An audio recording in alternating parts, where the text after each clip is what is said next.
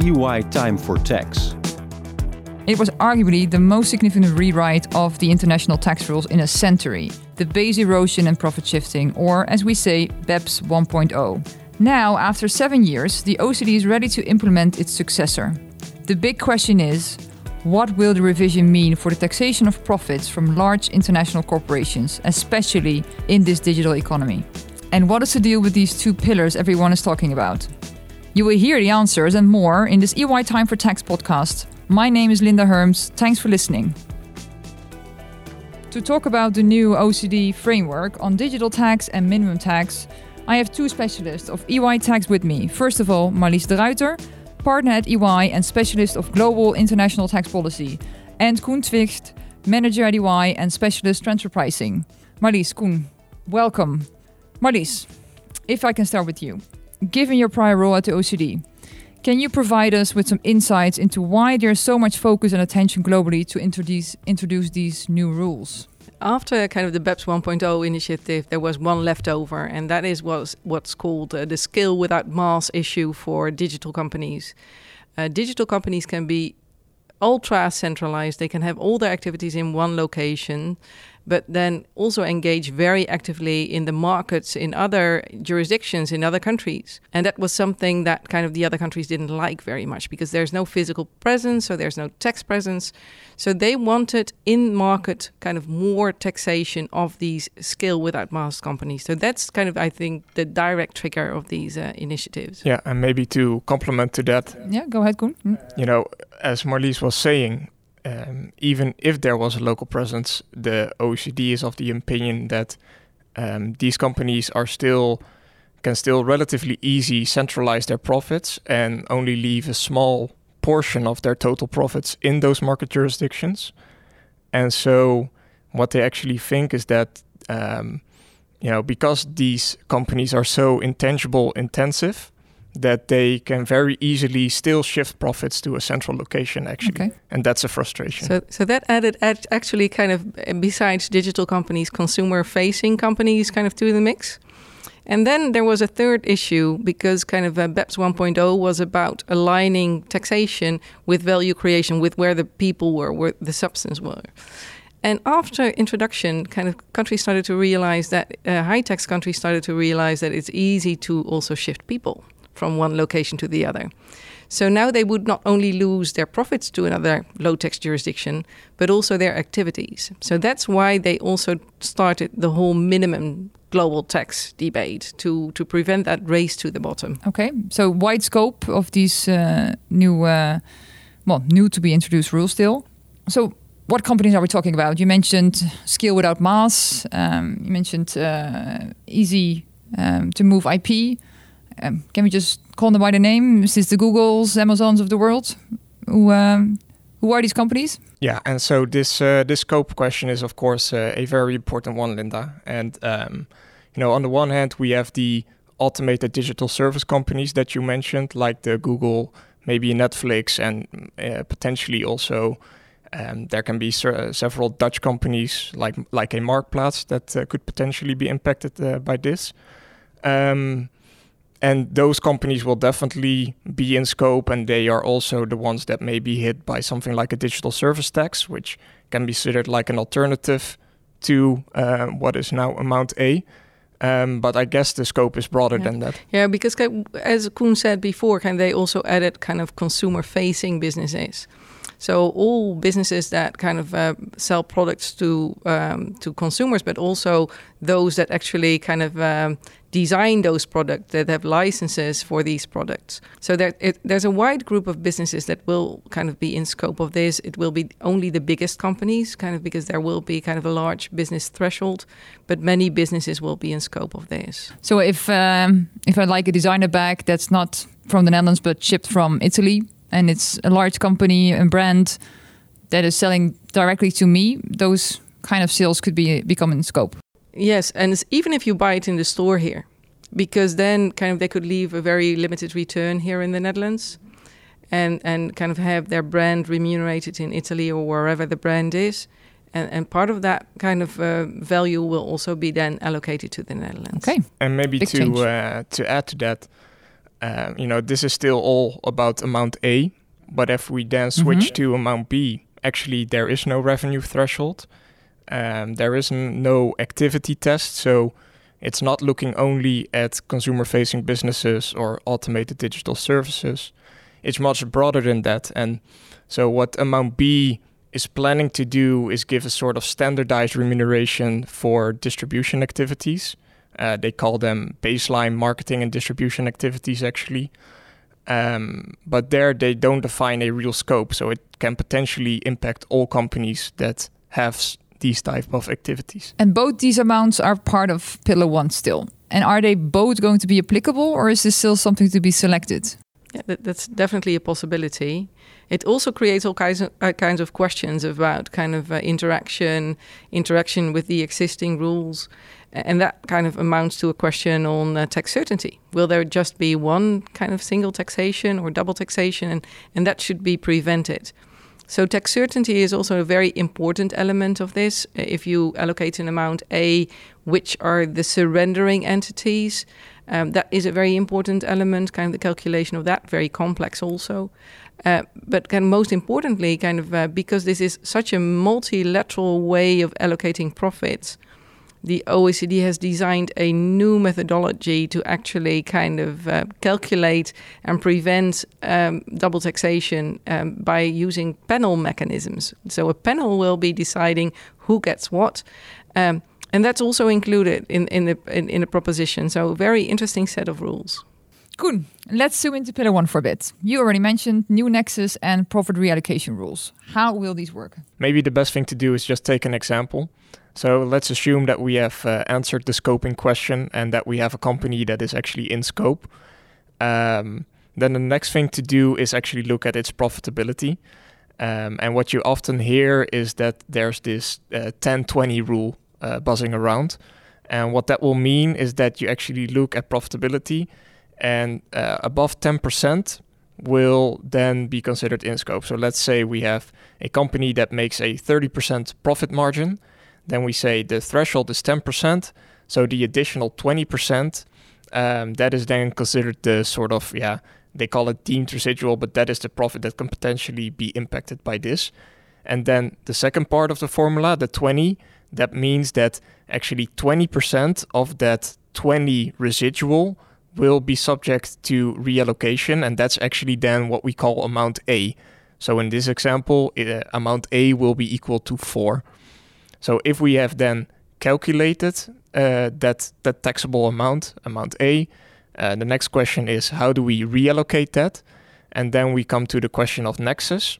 Um, and of course, we are talking here about something that is going to be allocated not based on actual activities, but more to the market jurisdiction.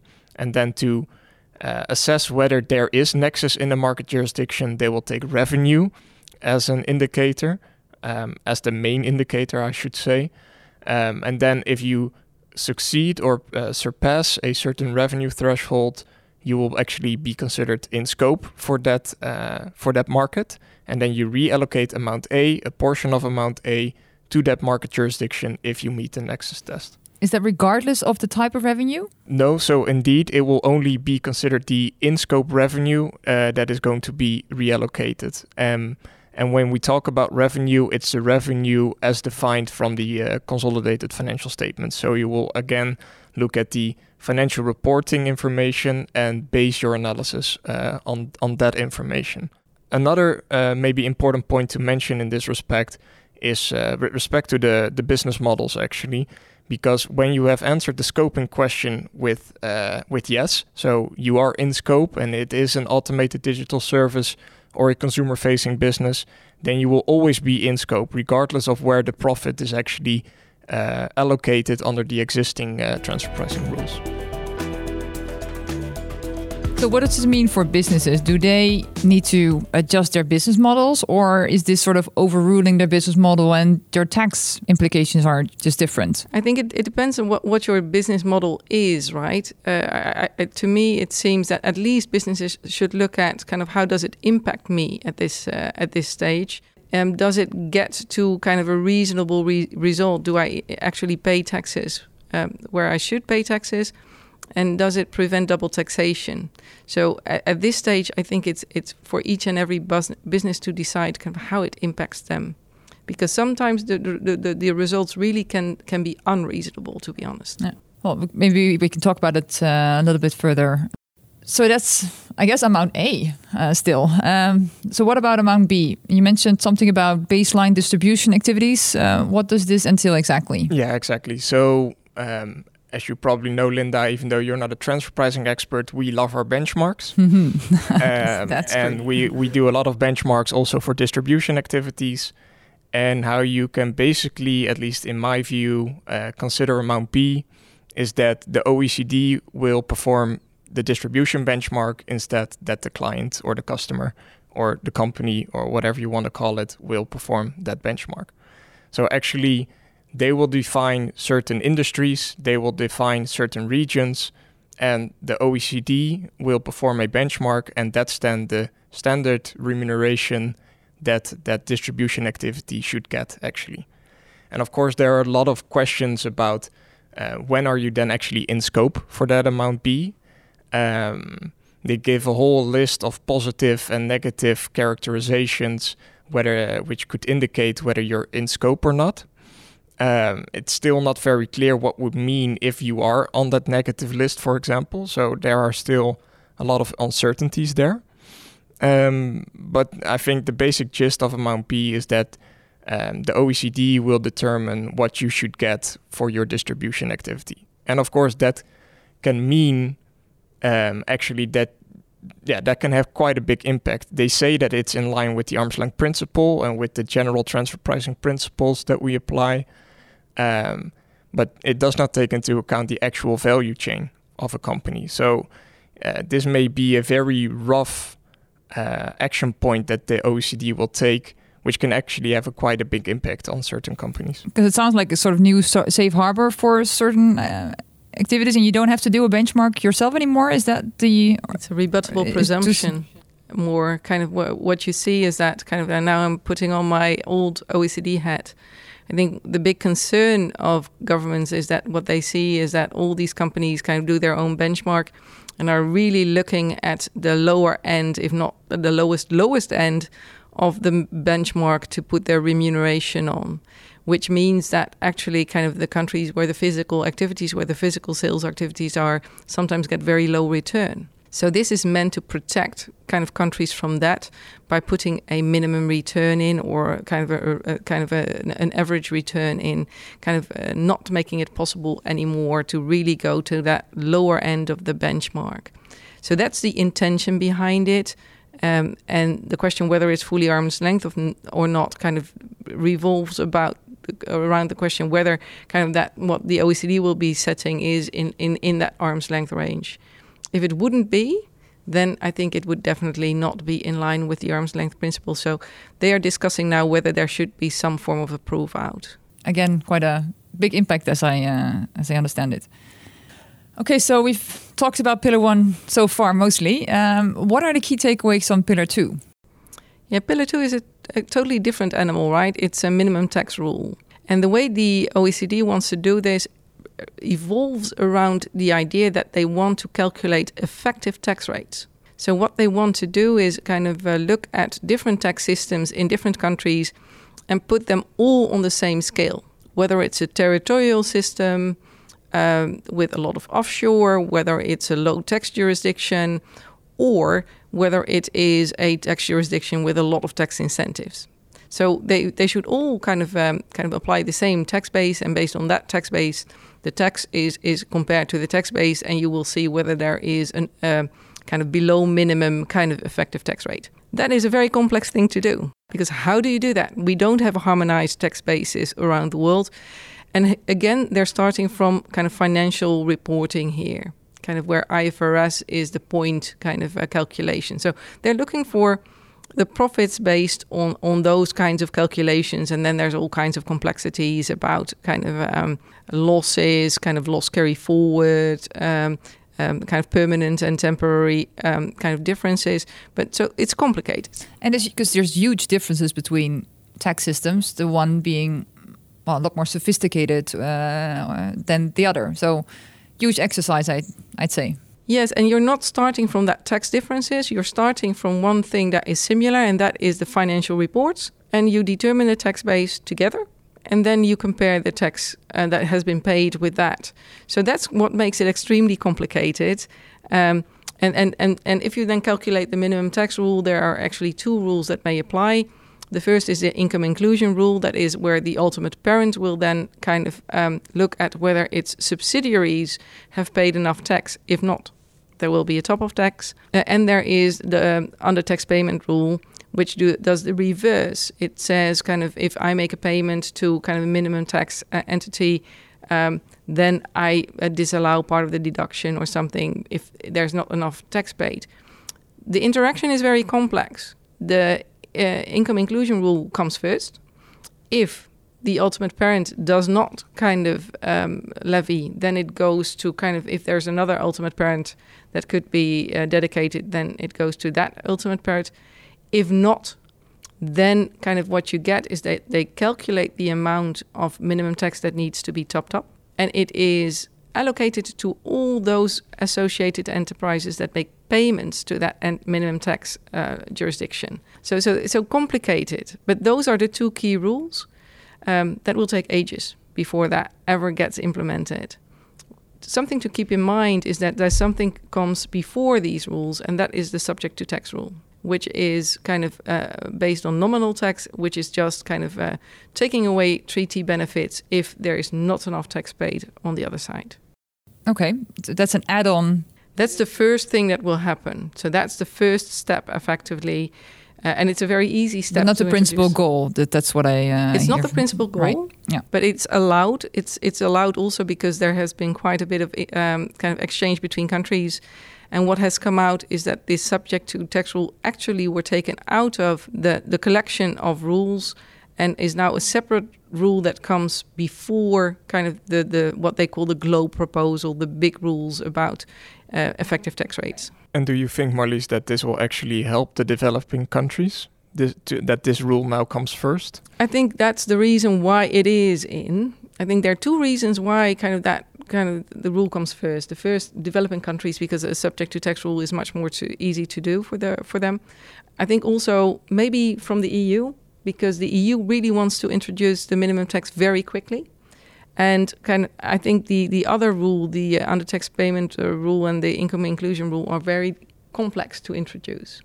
So they want a short term solution too. Oh, and is there any insight on what minimum tax we're talking about? Any rates are mentioned, or is that still too soon?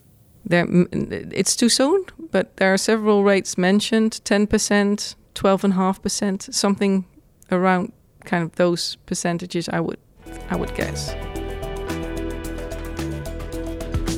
All right, thanks, Marlies. So, so we talked about both Pillar One and Pillar Two now. Um, has the OECD made any calculations of what the impact will be? Coen, have you? Uh... Yeah, yeah, and and definitely there's a, a whole team within the OECD, uh, more on the uh, economical side, that have uh, done an impact assessment, uh, more on a global scale. Um, and what you see actually there, they have some nice figure that figures that they present is that uh, they expect that Pillar 1 will result in a reallocation of profits of around 100 billion. So that is quite a big number. Um, but I think it is important to take into account that this is still a reallocation question. So it's one country that is going to uh, provide a credit or an exemption, and another country that is going to levy that additional profit. So, in terms of how much additional tax revenue this will bring to countries. Um, the estimate, and I have it somewhere here. Uh, for pillar one, it's actually around uh, 5 to 12 billion. That's the uh, estimate. Um, but for pillar two, and there you see the huge difference and where the impact will really be for a lot of uh, companies, it's around uh, 42 to 70 billion. So you really see, and that's not even including the GILTI rules from the US. So you really see that pillar two uh, yeah, that the OECD is expecting a lot more tax revenue actually coming from Pillar Two uh, than from Pillar One. And maybe Um, just to add kind of a link to the Netherlands, because kind of on pillar t- pillar one, the calculations are that kind of all levels of countries will kind of um, be quite neutral, kind of um, high tech uh, or high high income, low income, middle income. But there's one category of countries that will lose out, and that's what they call the investment hubs. And in- investment hubs are defined as countries that have foreign direct investment over 150% of GDP. And guess where the Netherlands is? I assume in that category. I would think so. So, Yeah. so I think actually that for some countries, um, th- they could be very big losers, and, the, and and those are the countries that have small markets, uh, that are small countries with a very open economy with many multinationals. They will be losing out and can be losing out significantly, and that's also something that our Ministry of Finance has already communicated that it, it's very volatile wh- where it will come out for the Netherlands. So, if we have a forward looking view, the OECD has the ambition to reach a consensus, but the member states are not there yet. So, what's their plan? Yeah, so uh, actually, they were hoping to uh, reach consensus still in 2020. Uh, well, um, I think they have concluded around July that that will not happen, um, partly due to COVID, but also because the timeline was simply too ambitious. So the current expectation is we are now in the phase uh, of a public consultation. So uh, companies and other stakeholders are invited to provide comments to the OECD. Um, there will be a public consultation meeting somewhere mid-January, um, and then the the new aim by the OECD is to have uh, some sort of consensus or agreement on the framework at least uh, by mid 2021. Marlie, separate from the OECD's ambitions, you can read in the newspapers that countries and the EU are already taking other preparatory measures for their own rules. What are the consequences of that? Yes, so, so the EU clearly wants to move here, and EU countries want to move. They want digital services taxes. They want taxing those digital companies that are mostly American. And that's what America doesn't like. So, what has happened is that where kind of some individual EU countries have introduced digital services taxes, the US has come back with trade measures, um, putting the French wine in the ban, for example, and, and, and, and, putting tariffs on that. That's on hold for now. That is temporarily on hold. Uh, the EU has said, you know, we are willing to uh, to wait until mid 2021, and after that, we will come immediately with our own proposals if we don't have a full agreement uh, by then, both on minimum tax and on digital services taxes. But that doesn't necessarily mean that EU countries also agree with that. So that's kind of the EU, EU as an institution position. And you mean to say that there's local countries already taking their own measures right now or in the future? Yeah, so indeed, within the EU, you see, you already see individual countries uh, actually moving forward. Um, there are three important ones to mention in this respect. Uh, we have France, uh, which even though they have said that they will put their DSTs on hold, uh, that are actually still levying the DSTs in the meantime. Uh, recently, we have seen Spain that has implemented a DST locally. Um, and the third one to mention, which is interesting, is also Czech Republic, which has uh, announced that they are planning to introduce a DST. So, Coen, these are digital services taxes in line with Pillar 1. Are there countries that are already taking measures in line with Pillar 2? Yeah, definitely. You uh, you see a couple of countries already moving forward, also with uh, some type of rules uh, regarding minimum taxes. Uh, maybe just to name one here is uh, yeah the Netherlands, which is actually introduced the conditional withholding tax, which is a type of uh, minimum tax measure. So this time is bringing a lot of uncertainty, I can imagine, for companies. I mean, OECD is working on a plan, EU is working on a plan, maybe implementing. There are already countries that have implemented rules. What are you discussing with your clients right now? Yeah, I think it's very important to to recognize what you just said. Um, so there are so many different plans. It's not the question whether something is going to happen, but something is going to happen. We just don't know exactly what it is.